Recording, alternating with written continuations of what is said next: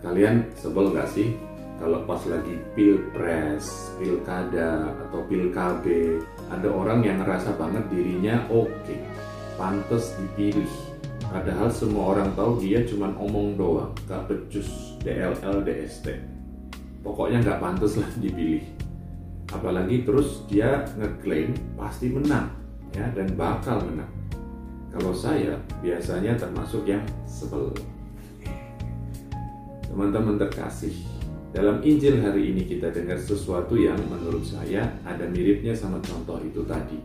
Mamanya Yakobus dan Yohanes datang ke Yesus dan minta supaya anak-anaknya itu nanti dapat posisi di dalam kerajaan Yesus.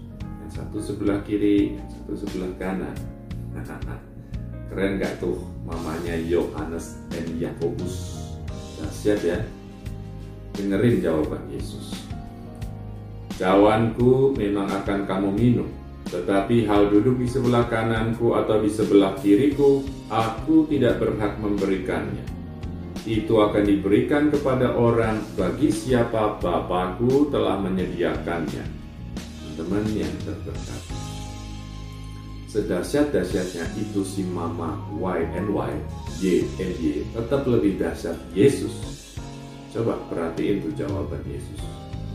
Dia ngakuin kuasa Bapa yang besar dan ngakuin kalau dia sendiri harus tunduk kepada kehendak Bapa itu. Gak cuma jawabannya, sebelum ditanyain kayak gitu tadi, Yesus baru selesai ngasih tahu murid-muridnya kalau dia bakal pergi ke Yerusalem dan di sana bakal dijatuhi hukuman mati.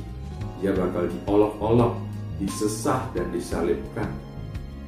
Perhatiin, Yesus tahu persis apa yang bakal kejadian sama dia dan dia nerima itu.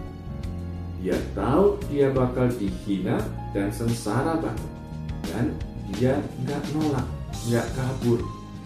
Dia tahu itu kehendak Bapaknya dan dia menerima serta melaksanakan. Teman sahabat Yesus, gak cuma di situ kedahsyatan Yesus, habis ngomong sama mama YNY tadi, akhirnya dia ngajar lagi. Dia bilang gini ke murid-muridnya, Barang siapa ingin menjadi besar di antara kamu, hendaklah ia menjadi pelayanmu, dan barang siapa ingin menjadi terkemuka di antara kamu, hendaklah ia menjadi hamba.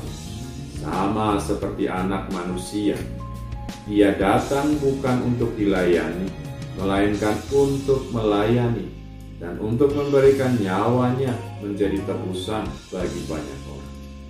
Sobat kawanan pilihan Allah. Semoga kalian sudah nangkep. Yang penting itu bukan posisi atau kehormatan. Yang penting itu perbuatan kita melayani. Yang penting itu bukan keinginan kita sendiri. Yang paling penting adalah kehendak Bapa.